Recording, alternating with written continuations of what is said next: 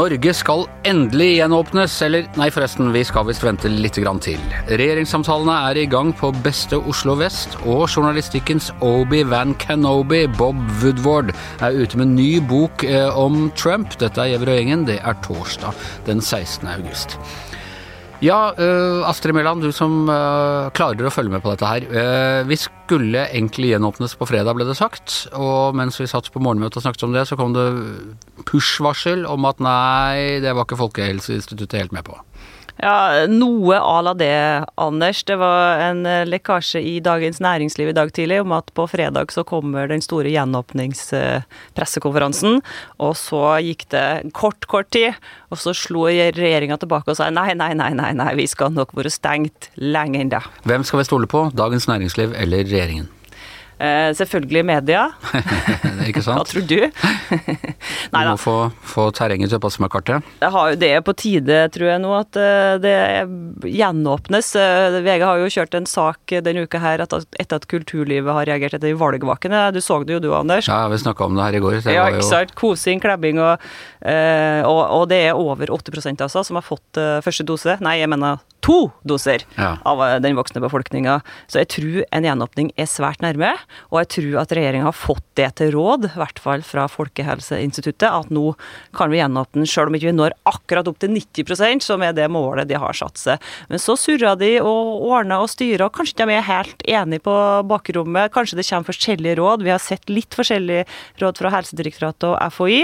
Eh, og nå eh, er det ikke sikkert at det blir gjenåpning i morgen likevel. Nei, eh, men er det grunn til å tro at den er rett rundt hjørnet, eller kan Dagens Næringsliv rett og slett bare ha driti seg ut, som det heter? Jeg tror at det er grunn til å tro at den er like rundt hjørnet, ja. Og at eh, at det antageligvis har vært snakk om det, og at det absolutt var aktuelt. Så er det noe som har skjedd som har gjort at eh, det kanskje ikke blir likevel, eller kanskje blir det. Jeg tror regjeringa er jo den som bestemmer det her. De får inn alle de her rådene fra eh, ekspertene, og så skal de ha møte og bestemme seg, og så vurdere det. Og jeg tror det her med gjenåpning har vært en ganske vanskelig ting for Erna Solberg og Bent Høie i slutten her nå, før de gikk på valgtapet sitt. De gikk ut i VG og lovte nærmest da full gjenåpning i slutten av september. Det var tolka som et eh, valgkamputspill, som det selvfølgelig òg var. Slo tilbake på dem, fordi smitten gikk opp etter at de kom med det budskapet. Kommunene ble sinte. Og nå tror jeg òg det med å gjenåpne nå blir, De er redd for at det skal bli tolka òg som et eller annet uh, utspill i den ene eller den andre retninga. Sånn at, men nå, er jo, nå, har de ikke så mye politisk å vinne på det, i hvert fall. Men uh, fram til valget så tror jeg i hvert fall at de var redd for å snakke noe mer om det. Og nå er jo valget over, som du er rett i, så nå kan det hende at det er litt på tide, da. Og så er det jo her som Hanne Skartveit som sitter attmed meg og snakker mye om, og hvordan er det egentlig nå når det er en ny regjering som skal ta over? Kan de drive og bestemme alt mulig rart, de avtroppene, da? Vi diskuterte det litt i går, og de kan vel det, Hanne. Både, både nå, hvor de fortsatt reelt sitter med makten fordi de har ikke vært hos kongen, og, øh, og også i, når de er et mer sånn øh, forretningsministerium?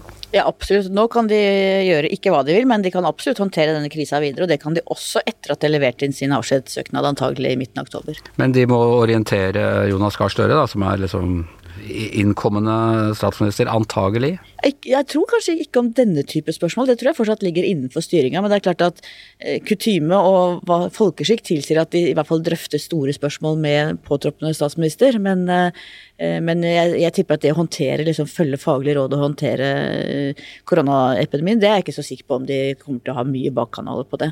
For det er ikke noen bruksanvisning for regjeringsskifte egentlig, utover akkurat det der at du Eh, og, og, selv det er bare sedvane. Det er vel ikke beskrevet i, i Grunnloven i og med at parlamentarismen kom etterpå. Eh, vi bare det er bare blitt sånn, liksom. Ja, og, og sedvane er jo også, har jo grunnlovsrang. I, det blir jo konstitusjonell sedvane på et tidspunkt, og det er klart veldig mye Når av gjør de det? Hvor mange ganger må de gjøre det før det liksom er eh, Cirka 13,5? Nei.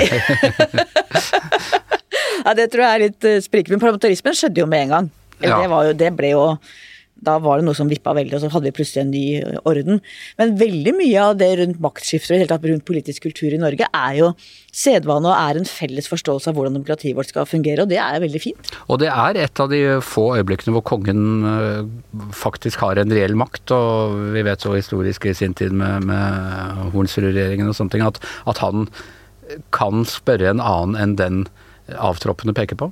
Ja, men det vil jeg tro også er, skal, skal, sitte veldig langt inne hos kongen. Det tror jeg også var eh... Jeg tror også det sitter langt inne, men det er, man har eh, ifølge sedvanen en, en makt der jeg tror nok at eh, det vil regnes som sedvane også at kongen skal spørre den som avtroppen statsminister peker på. Det, tar ennå, det er liksom en ekstra runde denne gangen, for stort sett så pleier det å være sånn eh, når det er en eh, konstellasjon av partier som har sagt at de vil overta, så trer de sammen relativt umiddelbart etter at valgresultatet er klart. Du og jeg var på Lysebu i, i sin tid med, med regjeringen Syse, det som skulle bli regjeringen Syse, og du har hatt alle disse forskjellige stedene. Men nå er det noen ekstrarunder. Nå skal de først begynne forsiktig i kjellerstua hjemme hos eh, Jonas Gahr Støre på, på Ris i Oslo. Jeg var ikke på Lysbu, jeg var, kom rett etter Lysbu. Jeg, på, oh, ja. jeg dekket uh, Syse-regjeringens avgang, men ikke dens tiltreden. Jeg skjønner, du var ikke på Lysbu. Da er jeg hukommelsesforskyvning, da, rett og slett. Ja, ja. Uh, den store forskjellen fra både den gangen og fra da Jens Stoltenbergs regjering gikk på i 2005, og da Erna Solberg gikk på i 2013, var at det var enighet om regjeringsskifte. Med Jens Stoltenberg var det enighet om det var de tre, Senterpartiet, SV og Arbeiderpartiet, skulle danne regjering sammen. Med Erna Solberg så var det enighet om at det skulle bli et regjeringsskifte. og det var, Om det ikke var avklart hvem som skulle med ikke skulle med, så var det i hvert fall veldig tydelig at de skulle forhandle fram et eller annet sammen. Nå er det jo slik at eh, at det er et ønske om regjeringsskifte, men de tre, Senterpartiet, SV og Arbeiderpartiet, er ikke enige seg imellom om hvem som skal sitte i den regjeringen. Nå er de omsider blitt enige om hvem som skal være statsminister, det blir eh, Jonas Gahr Støre. Men det er altså veldig strid om hvem skal være med. SV er ikke enig med seg sjøl om de skal være med, de skal jo ha dette på, ut på uravstemning. Ja, skal, De er i hvert fall enige om at de skal forhandle, men Senterpartiet er ikke engang sikre på om de vil forhandle, all den tid SV har dette uravstemnings... Uh... Men den uravstemningen, det skal være Det er litt som eh, da, da vi sa nei til EU og EF i sin tid, at de, de, de legger fram et forhandlingsresultat, og så skal medlemmene stemme over det? Ja, og, og mange jeg har snakka med sier at de er relativt rolige på det, for at de mener at medlemsmassen er på en måte mer pragmatisk enn det tillitsmannssjiktet og, og landsstyret er. At de er mer sånn radis hardlinere, mens eh, medlemsmassen er mer mm, sentrumsorienterte, eller eh, Arbeiderpartiorienterte? Ja. ja, og så er det jo også sånn at det er veldig vanskelig å skjønne hva Senterpartiet egentlig vil. For de er jo De sier jo beinhardt at de vil ikke sitte i regjering med SV. Og de har sagt gjennom hele denne perioden at dere må høre hva vi sier. Dere sier hele tiden nei, det kommer til å bli flerpartiregjering, de kommer til å vike seg. Men det gjør vi ikke. Men så er spørsmålet gjør de det for å få handlingsrom for å kunne forhandle fra en sterkere posisjon, eller mener de det helt innerst inne også når det kommer til helga? Litt forskjellige signaler fra Senterpartiet der. Oppe i Trøndelag så er det noen uh, som veldig ikke vil. Og så jo nærmere du kommer i Oslo, jo, jo større er viljen vel? Ja, det er en splittelse som ligger ganske langt tilbake, og som Slagsvold Vedum har klart å dekke over veldig. Han har jo vært samlende, for det har gått oppover og oppover og oppover på meningsmålingene. Men nå kommer jo til punktet hvor de faktisk må velge om de skal inn i en flerpartiregjering med SV eller ikke. Og da blir disse gamle motsetningene som har ligget der lenge, igjen til syne. Eh, vi skal snakke om dette her på, på bakgården eh, i kveld eh, klokka seks, altså torsdag kveld klokka seks. Men jeg må bare spørre deg for for eh, Per Olav Lundteigen, eh, som på en måte er, hva skal du si, han er eh, hvis Senterpartiet er det russiske kommunistpartiet, så er han Lenin. Og øh, han var ute på Dagsnytt 18 har vært ute flere steder og sa at det dette vil helt stå og falle med, det er oppløsninga av Viken som fylke. Og jeg kan være enig med Lundteigen at det er litt rart, det derre Viken-fylket. Eh, men hvorfor er det så høyt prioritert for Senterpartiet? Og nå er jeg usikker på om, eh, om, det at Lundteigen stiller ultimatum, som han vel faktisk gjorde på Østfold i går, om det har forankring inn i partiledelsen. Jeg tror jeg ikke, Han har alltid vært en frispiller. Eh, veldig morsom å snakke med Lundteigen, men han har jo aldri på en måte hatt eh, og, og, den mest liksom sånn politisk, ideologisk tenkende nesten i det partiet? Veldig. Han er en eh, underlig skrue. Veldig interessant type. Men jeg tviler på om han taler på vegne av partiet når det gjelder å stille ultimatumer før man skal inn i forhandlinger. Men, men selv om han eh, ikke gjør det, altså, så syns jeg det er interessant interessant at akkurat han, altså om en eller annen Nå er jo han for så vidt fra det som før var Buskerud, og som nå er slukt av denne Viken-anslosen, men, uh, men, uh, men hvorfor, hvorfor, akkurat dette? Hvorfor ikke liksom uh, lensmannskontorer eller et eller annet sånt av de der signalsakene de har vært opptatt av i løpet av hele valgkampen? Ja, nå tror Jeg det kommer. Jeg tror som sagt ikke det at Lundteigen sier at det er det viktigste, nødvendigvis er det viktigste, men det er veldig veldig viktig for Senterpartiet. Eh, de ønsker å reversere regionsreformen, de har gått til valg på det. Eh, det er liksom symbolet på hvordan eh, det har vært håpløse sentraliserende reformer. Og det var jo også en håpløs reform, men det jeg stiller meg undrende til, er at man skal bruke masse krefter og ressurser og penger på å reversere noe som er innført. Når man skal gå, danne en ny regjering og få gjort masse nytt, så er liksom reversering som står høyt på dagsordenen, det er veldig rart. Lundteigen blir jo da, dette har vi snakket om før, blir jo helt sikkert reverseringsminister. Skal reversere Norge tilbake til ca. 1965. Nei, det er bare tull, det var usaklig. Men, men, jeg bare tenker at dette er, dette er bra for Er ikke dette bra for Arbeiderpartiet og SV? For det er en enkel sak. SV er sikkert, de er jo glad i å reversere, de også. Og for Arbeiderpartiet så kan ikke dette være den største kamelen å svelge, å oppløse Viken. Frankenstein-fylket. Arbeiderpartiet er heller ikke noe glad i Viken. Nei. Ingen er glad i Viken. Nei, Men Nei. spørsmålet er når man først skal begynne å gjøre ting, om det er det man skal bruke ressurser og krefter på. Det er en svær operasjon å reversere. Ja, det hadde jeg brukt ressurser og krefter på hvis jeg var i Arbeiderpartiet. Sagt fint, vi oppløser Viken. Nå har vi fem andre saker vi vil, vi vil ha gjennom. Men det er meg. Uh, som sagt, på bakgården i dag klokka seks så skal vi snakke mer om dette og snakke mer om en del av de interne motsetningene. Ikke bare i uh, regjeringspartiene, men i, i, de andre partiene. Og det er mye det er mye, altså Et sånt valg utløser helt sånne nye situasjoner i politikken og i partiene. Uh, som er veldig, Det er litt som sånn skogbrann når det, når det kommer opp nye, nye typer planter på skogsbunnen og sånn, er det ikke det? Jo, det er veldig gøy nå. Vi må kunne si det som sitter her, at det er jo veldig gøy norsk politikk akkurat nå. Ja, det, er kjempegøy. Nå driver jeg med å jakta på, på, Støre og Vedum og Lysbakken, eh, pre, våre kolleger i pressen, og det de håper på er jo selvfølgelig å ha et bilde av de tre ja. når de går inn i noen sånn sonderinger som dette, sammen. Det kommer ikke til å skje denne uka her. Det var noe sånn øh, Jonas og øh, Lysbakken idet de skulle på trappa til Jonas skulle, skulle gi hverandre en ordentlig sånn bjørneklem. Ja, Det så ikke jeg, Anders. Ja, den tror jeg var på for forsida av veggen nå, hvis ikke er et arkivbilde. Ja, de prøvde, men så endte de med at de tok hverandre på armen. Ah, ja. Det, det var en sånn Giske-Stoltenberg-klem? Ja, det var ikke helt det heller. Det var, det var ikke så kleint. Hæ. Hmm. Det var sikkert noe med covid å gjøre, da, vet du, at han var redd for å få Ok, mer om dette på bakgården, og altså da i, som kommer til å være uh, podkast i morgen. Ja, denne valgkampen den har vært så morsom, eh, Per Olav Ødegaard, at her om dagen så begynte noen å snakke til meg om noe eh, Trump og Biden-greier. Som jeg ikke hadde hørt om. Først bare måtte jeg late som jeg hadde hørt om det, for det eh, jeg, stort sett er jeg, er jeg, på toppen av situasjonen når det gjelder det der. Men litt ute i samtalen måtte jeg bare si, vet du hva, jeg har ikke fulgt med på amerikansk politikk på flere uker. Uh, har, du, har, du, fulgt med hele veien? Ja, jeg klarer ikke helt å la være det, men, og jeg, jeg, gjør det. Og uh, det er jo interessant å høre at dere snakker om en fredelig overføring av makt i Norge fra ett valg, og, og, Erna Solberg som har erkjent nederlaget og gratulert uh, Jonas Gahr Støre med seieren. Og det var jo ikke like, ikke, ble mer dramatisk i USA da, etter presidentvalget. Og, og det har jo kommet en rekke bøker som har beskrevet de siste månedene, da, eh, siste ukene av eh, Trumps presidentembete. og kollapsen på en måte i Det hvite hus. Og selvfølgelig husker vi jo 6.1 og stormingen av Kongressen.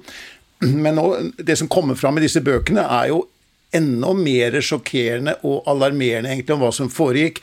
Og den siste ut er jo da eh, Bob Woodward, Robert Costa, begge fra Washington Post, som har skrevet denne boken Eh, fare, eller peril, da, som ja, det heter. Eh, jeg leste i sommer, jeg klarte ikke å vente på Woodward, så jeg leste han der Michael Wolff, som er litt mer eh, Ikke fullt så etterrettelig, men veldig underholdende å lese. Den som heter Landslide.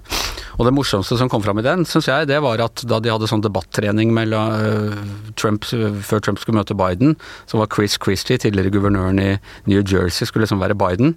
Og han var så god til å være Biden, Biden at Trump ble fornærma og nekta å bruke ham mer, og de har ikke snakka sammen siden. Hva er, de store, hva er de store nyhetene i eh, Woodward-boka? Ja, Det vi vet er jo bare noen utdrag da, som eh, Washington Post først og fremst og New York Times har delt med oss. og det er jo um, uh, Her spiller jo um, general Mark Milley, som er forsvarssjef i USA, en ganske viktig rolle. Han er det eneste som står mellom Trump og de væpnede styrker, rett og slett verdens største militærmakt, eller var da, så lenge Trump var ja, han er, da, han er, jo da, den høyest rangerte militære, men eh, presidenten er jo øverstkommanderende. Sånn er jo systemet. Eh, og eh, Milley ble jo utnevnt av Trump i 2018, men han ble meget urolig over det som skjedde både i innspurten av valgkampen, og ikke minst etter 6.1. Så to ganger så skal han da ha ringt til sin eh, kinesiske kollega, general Li Shusheng, og forsøkte å berolige kineserne. Den første samtalen, som var 30. oktober, altså like før valget, da hadde amerikansk etterretning oppfattet at kineserne trodde at Trump muligens planla et militært angrep for å skape en internasjonal krise, og det skulle da påvirke valget slik at han vant det. Det var det kineserne eh, hadde det, det, det var kineserne fryktet, og det skulle han da ringe og berolige at det ikke kom til å skje. Det, men det viser jo egentlig at det er eh, omgivelsene, altså generalstaben og kineserne og kanskje også i mediene og sånn, som har vært hysteriske, for Trump var jo aldri i nærheten av å gjøre noe sånt. Nei, han sier i hvert fall det. Eh, men dette var noe som eh, Men det som skjedde etter den andre samtalen, som kom da 8. Eh, januar, altså to dager etter stormingen av Kongressen, da var for hva som kom til å skje. Dette er jo sånn som amerikanerne da oppfattet gjennom sine etterretningskilder. Og, og, da ringte Milley og sa til eh, general Lee at det, det, kan se ustabilt ut, men slik er demokratiet. Vi er 100% stabile, alt er i orden. Men demokratiet kan bli sloppy av og til, som han sa. Men eh, at han hadde kontroll samme dag, så innkalte da Milley eh, sine nærmeste militære ledere for å minne dem om prosedyrene for å avfyre kjernefysiske våpen, at det krevde at han, altså forsvarssjefen, var involvert i en slik beslutning. Og da gikk han rundt i rommet, så hver enkelt av deltakerne i øynene, og de måtte alle bekrefte at de forsto hva han mente. Så det var en dyp bekymring her. Han var helt redd for at eh, Trump skulle starte tredje verdenskrig eh, fordi han tapte valget? Ja, fordi han mente at Trump var blitt eh, mentalt svekket etter valget. Han ringte jo da Eller det var ikke han som ringte, men da var det Nancy Pelosi, altså lederen for representanthuset, som ringte Millie samme dag. Og ikke så, kanskje ikke så uventet, så var eh, Nancy Pelosi mer direkte. Hun eh, sa at Trump var blitt gal, og at hun hadde vært det lenge. Og, men Millie sa da, ifølge Woodward, at, at han var helt Madam Speaker, jeg er helt enig i alt du sier, sa han den gangen. Og, og, men han garanterte da for Pelosi at Eh, han ville sørge for at det ikke skjedde noe eh, noe militære angrep eller at det kom noen militære handlinger i de siste dagene av Trumps presidenttid. Dette har jo foranledet også en interessant diskusjon om eh, hvem, har, hvem styrer det militære. Altså Det er presidenten som har Eh, som er øverstkommanderende, og har da Mark Milley gått utover sin, sine fullmakter? Eh, dette er jo sånne viktige prinsipielle spørsmål. Men hva skjer hvis det nå var slik at eh, Trump var mentalt svekket, eller en annen president. En tilsvarende situasjon var jo på slutten av Richard Nixons presidenttid da daværende forsvarsminister Schlesinger også gikk inn og skulle liksom garantere at ikke det skjedde noe Eh, på den militære fronten. Altså, hvis president fikk et sammenbrudd. Det var jo også bevisst strategi hos Nixon. Han skulle overbevise sine motstandere om at han var gæren nok til å gjøre det. Eh, og hevdet i hvert fall selv at dette var et eh, rasjonelt valg. Det var jo i hvert fall sånn nå i et, altså Trump har jo allerede karakterisert Milley som en forræder. Hvis dette er riktig, så er han en forræder. Og det er flere av republikanske senatorer som også har sagt at han må gå av og bli stilt for militær domstol osv. for det som har skjedd. Mens øh, Eh, mens Det hvite hus, eh, Joe Biden, har full tillit til eh, Milley. Og det er mye annet også i denne boken, bl.a. med Mike Pence, som ikke ser ut som noen helt, sånn som han blir beskrevet her. Spesielt han søkte råd hos tidligere visepresident Dan Quayle hva han skulle gjøre. Dan Quayle hadde undertegnet samme, var i samme situasjon som han da, i 1992. De tapte valget. Nå rakner glansbildet av Mike Pence, rett og slett. Faktisk, ja.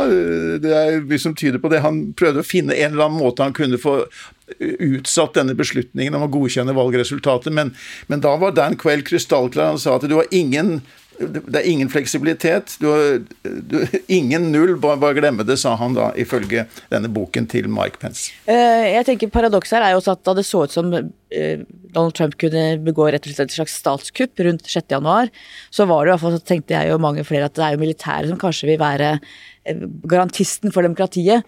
Fordi vi tenkte, stolte på at generalene vil aldri gå Donald Trump sin vei å faktisk iscenesette et militærkupp i USA. For vi, vi tenkte jo at det var Donald Trump troende til, og det tror jeg fortsatt. Det er som de der landene hvor hæren har vært garantisten for at ikke radikale islamister setter eh, demokratiet til side og sånn. Ja, type Tyrkia, ikke sant. Det er jo et annet poeng her også, med CIA-sjef Gina Haspel, som også var innsatt av Trump, som sa at som da ifølge den boken skal ha sagt at nå er jeg på vei inn i et høyre radikalt kupp. Ja. Så den bekymringen var delt av flere av Trumps Jeg kjenner at jeg har fortrengt alle, alle, disse tingene, men, eh, men, it's all coming back to me now. Og jeg gleder meg til å lese boka. Vet du når den kommer? Har den kommet, eh, Per Olav? Kommer på tirsdag. På tirsdag, ja.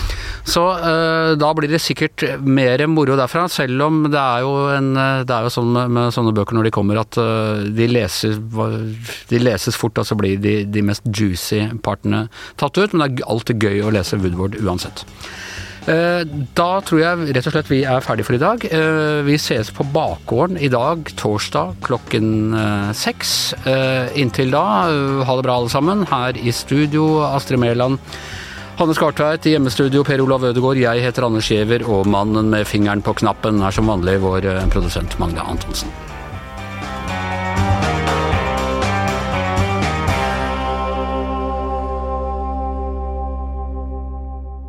Du har hørt en podkast fra VG.